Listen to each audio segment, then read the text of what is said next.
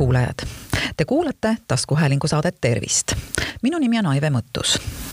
tänase saate teemaks valisin alkoholi ja ajendi andis selleks üks hiljutine uuring mis ütleb, et Eesti elanikud tarbisid kahe tuhande kahekümnendal aastal täiskasvanud ehk siis enam kui viieteistkümne aastase elaniku kohta keskmiselt kümme ja pool liitrit absoluutalkoholi, mida on üks koma seitse protsenti rohkem kui aasta varem otseselt alkoholist põhjustatud surmasid oli mullu saja kaheksa võrra enam kui kahe tuhande üheksateistkümnendal aastal.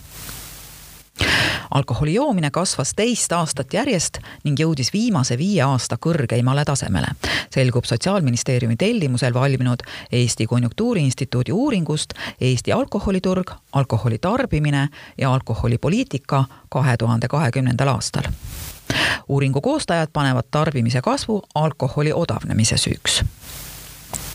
ja nüüd siis sellest uuringust natukene lähemalt täiskasvanud Eesti inimene jõi mullu alkohoolseid jooke absoluutalkoholiks arvestatuna keskmiselt kümme koma viis liitrit, millest suurima osa ehk kuuskümmend kolm protsenti moodustasid lahjad alkohoolsed joogid, sealhulgas õlu neli koma üks, viinamarja veinid üks koma üheksa ja teised lahjad alkohoolsed joogid null koma kuus liitrit.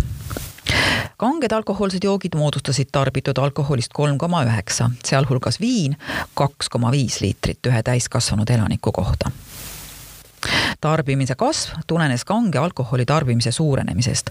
õlle ja veini tarbimine jäi endisele tasemele ning lahjade alkohoolsete jookide tarbimine vähenes, märgivad uuringu koostajad alkoholi tarbimise ühe koma seitsme protsendiline kasv on negatiivne, kuid tarbimine kasvas oluliselt vähem kui võimaldanuks ostujõu kasv, kommenteeris Konjunktuuriinstituudi direktor Marje Josing kahe tuhande üheksateistkümnendal aastal toimunud aktsiisimaksu kahekümne viie protsendiline langetus tõi kaasa jaehindade vähenemise ning enam langesid kange alkoholi jaehinnad.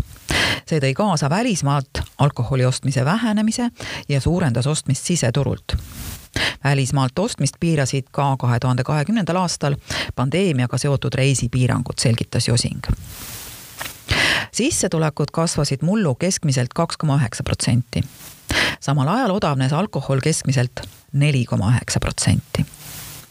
Eesti Konjunktuuriinstituudi arvutuste kohaselt sai eelmisel aastal osta Eestis keskmise netokuupalga eest kuuskümmend kuus liitrit õlut või seitseteist liitrit viina rohkem kui kaks aastat varem enne alkoholiaktsiisi langetust Covid-19 pandeemiast tingitud piirangute tõttu vähenesid ostud välismaalt, turistide kaasaostud Eestist ja turistide alkoholi tarbimine Eestis kohapeal. alkoholiaktsiisi laekus mullu kakssada üksteist miljonit eurot, mida oli aastaga varasemaga võrreldes neliteist miljonit eurot vähem ning kahe tuhande kahekümnendaks aastaks prognoositust kaheksateist miljoni euro võrra vähem aktsiisimaksu väiksema laekumise taga on Konjunktuuriinstituudi hinnangul peamiselt välisturistide tunduvalt väiksemad ostud Eestist. Tervise Arengu Instituudi esialgsetel andmetel suri kahe tuhande kahekümnendal aastal otseselt alkoholi liigtarvitamisest põhjustatud haigustesse kuussada viisteist inimest, mis on üle saja rohkem kui kahe tuhande üheksateistkümnendal aastal ning on üksiti viimase kümne aasta suurim arv surma põhjusena toodud diagnoosidest on esikohal maksa alkoholtõbi, järgnevad juhuslik mürgistus, alkohoolne kardiomüopaatia ning alkoholist tingitud psüühika- ja käitumishäired. Uuringus toodud tarbimismahud on arvutatud Eesti Statistikaameti tootmise, Eurostati väliskaubanduse ja ettevõtete tootmise ning sise- ja välisturu müügiandmetele tuginedes aga vaatame siis lähemalt, mis see alkohol on ja mida ta tervisega teeb keemilises mõttes sisaldab alkohol vesinikku ja hapnikku, mis on seotud küllastunud süsinikaatomiga. seetõttu on mis tahes ühend, mis ühendab molekulide moodustamiseks vesiniku, hapniku ja süsinikaatomi, keemilise alkoholi pereliige. on olemas mitmesuguseid alkoholiliike, kuid ainult etüül on selline, mis juua kõlbab etüülalkohol eristati paljudest teistest alkoholidest üheksateistkümnenda sajandi keskel, kui keemikud hakkasid kasutama eesliitena sõna etüül, et viidata alkoholile, mida saab muuta eetriks. Etüülalkoholi saab viinamarjade või teistest suhkrut sisaldavate vedelike kääritamisest. Pärmirakkude loodud ensüümid muudavad viinamarja suhkru alkoholiks tavalised inimesed, need, kes pole keemikud, kasutavad laialdaselt sõna alkohol keemiliste terminite etüülalkohol või etanool asemel.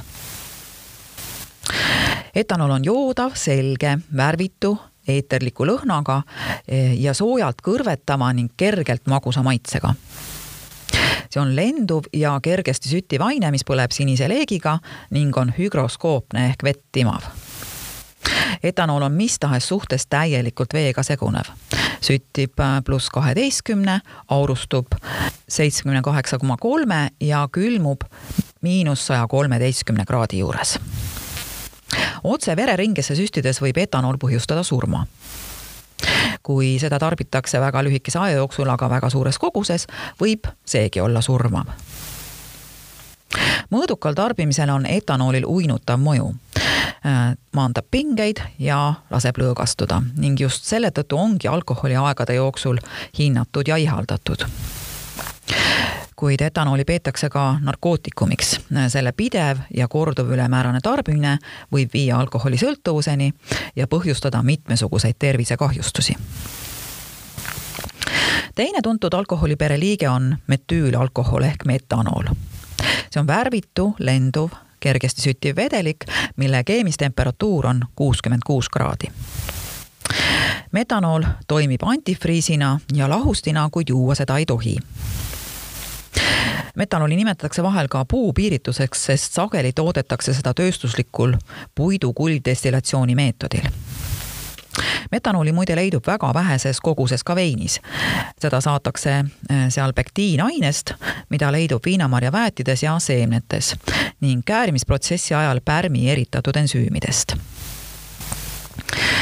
ja metanooli kasutatakse laialdaselt tööstusliku lahustina. kuid selle tarbimine põhjustab pimedaks jäämist, halvatust ja isegi surma. Äh, mis siis organismis alkoholiga juhtub?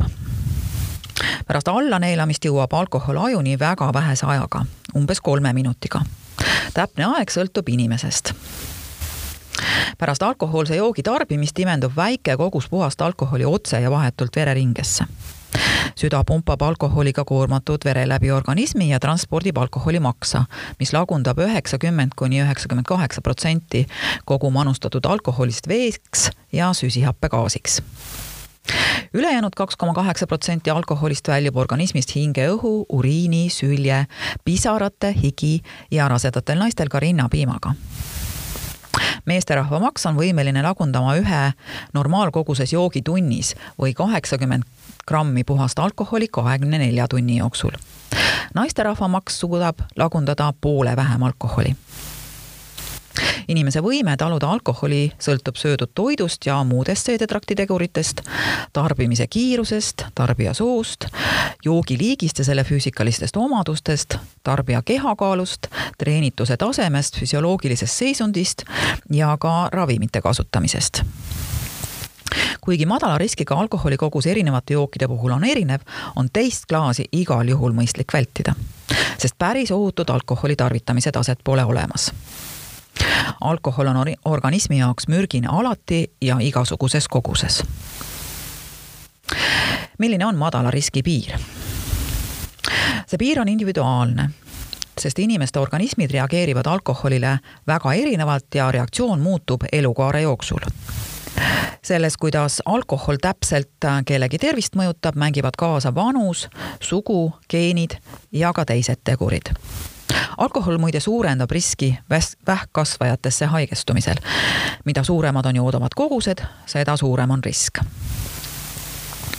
Individuaalse piiri hindamisel tuleb arvestada ka teisi riske, näiteks ülekaalu, suitsetamist, ravimite tarvitamist, haigusi ja muud. Kui inimesel on meeleoluhäired, ärevus või depressioon, siis alkoholi joomine pole mitte abiks, vaid süvendab probleeme isegi väiksemad alkoholikogused võivad regulaarsel tarvitamisel edasi viia alkoholi kuritarvitamise või sõltuvuseni. Kõik teavad, et alkoholi tarvitamine kujutab endast ohtu tervisele. sellest, et alkohol hakkab organismi mõjutada, mõjutama, annavad teada mitmed märgid. Osa neist ilmuvad kiiresti, osa mõne aja pärast suur suvi on käes ja väga paljudele meist on oluline ideaalne rannavorm. kas alkohol aitab kehakaalu langetada või hoopis vastupidi, tõstab seda? vaatame lähemalt. alkohol on energiarikas. üks gramm puhast alkoholi ehk etanooli annab seitse kilokalorit lisaks puhtale alkoholile sisaldub jookides ka suhkruid ja tulemuseks ongi kaloripomm näiteks annab suur klaas ehk siis kakssada viiskümmend milliliitrit veini ligikaudu sada kuuskümmend ja pudel õlut, see on siis pool liitrit, kakssada kakskümmend viis kilokalorit. Enamik alkohoolsetest jookidest ei sisalda praktiliselt üldse organismile esmavajalikke toitaineid, kuid annavad arvestataval määral kilokaloreid kui näiteks täiskasvanud naise keskmine energiavajadus ööpäevas on kaks tuhat kilokalorit, siis juues ära kaks õlut, on sellega kaetud juba pea neljandik tema päevasest energiavajadusest alkoholi tarvitamine enne magama minekut võib olla küll abiks uinumisel, kuid tegelikult magame me halvemini. alkohol häirib unetsükleid ja takistab väljapuhkamist nimelt jäävad joobes inimesel ära sügavale unele eelnevad esimesed unefaasid ja samuti väheneb REM-une ehk sügava une aeg REM-une faasi ajal toimub aga õpitu kinnistumine, mõtete ja mälestuste korraldamine. inimene tunneb end ärgates värske ja puhanuna. lisaks kõigele muule on alkoholil ka dehüdreeriv ehk kuivatav mõju ja ühtlasi viib alkohol endaga organismist lahkudes kaasa vitamiine ja mineraale. see kõik muudab naha pikapeale halliks ja elutuks. aga kes meist siis seda soovib? pidev stressi maadamine alkoholi abil võib tunduda ahvatlev, kuid tegelikult on tegemist nõiaringiga alkohol on depressant, mis rikub ajukeemia tasakaalu ja mõjutab seeläbi seda, mida me mõtleme, tunneme ja teeme kui esimene klaas mõjub lõdvestavalt ja mured tunduvad väiksemad, siis pikaajaliselt ärevus ja stress hoopis kasvavad. Igapäevaseks pingete leevendamiseks on tõesti olemas teisi tervislikumaid variante, näiteks aktiivne liikumine, millest ma olen oma saadetes ju väga palju rääkinud. Liigne alkoholi tarvitamine muide võib häirida ka immuunsüsteemi tööd ja koos alkoholist tingitud halva unega võibki tulemuseks olla pidev nõrkus lisaks on olemas terve rida olukordi, mille puhul alkoholi tarvitada ei tohi, sest see on ohtlik endale ja teistele. näiteks sõiduki või mingite seadmete juhtimine, ujumine ja veekogudel muud tegevused samuti ei tohi alkoholi tarvitada rasedad ja rinnaga toitvad naised ning teatud ravimite tarvitajad. alkoholisõltuvuses olevad inimesed peaksid ka alkoholist kaugemale hoidma niisiis, et kätte on jõudnud aeg koroonavabast suvest täit rõõmu tunda, teen sulle, hea kuulaja, ettepaneku piirduda ühe klaasiga. alkoholi koguseid vähendades märkad väga kiiresti, kuidas energiat hakkab juurde tulema head kuulajad, te kuulasite taskuhäälingu saadet Tervist.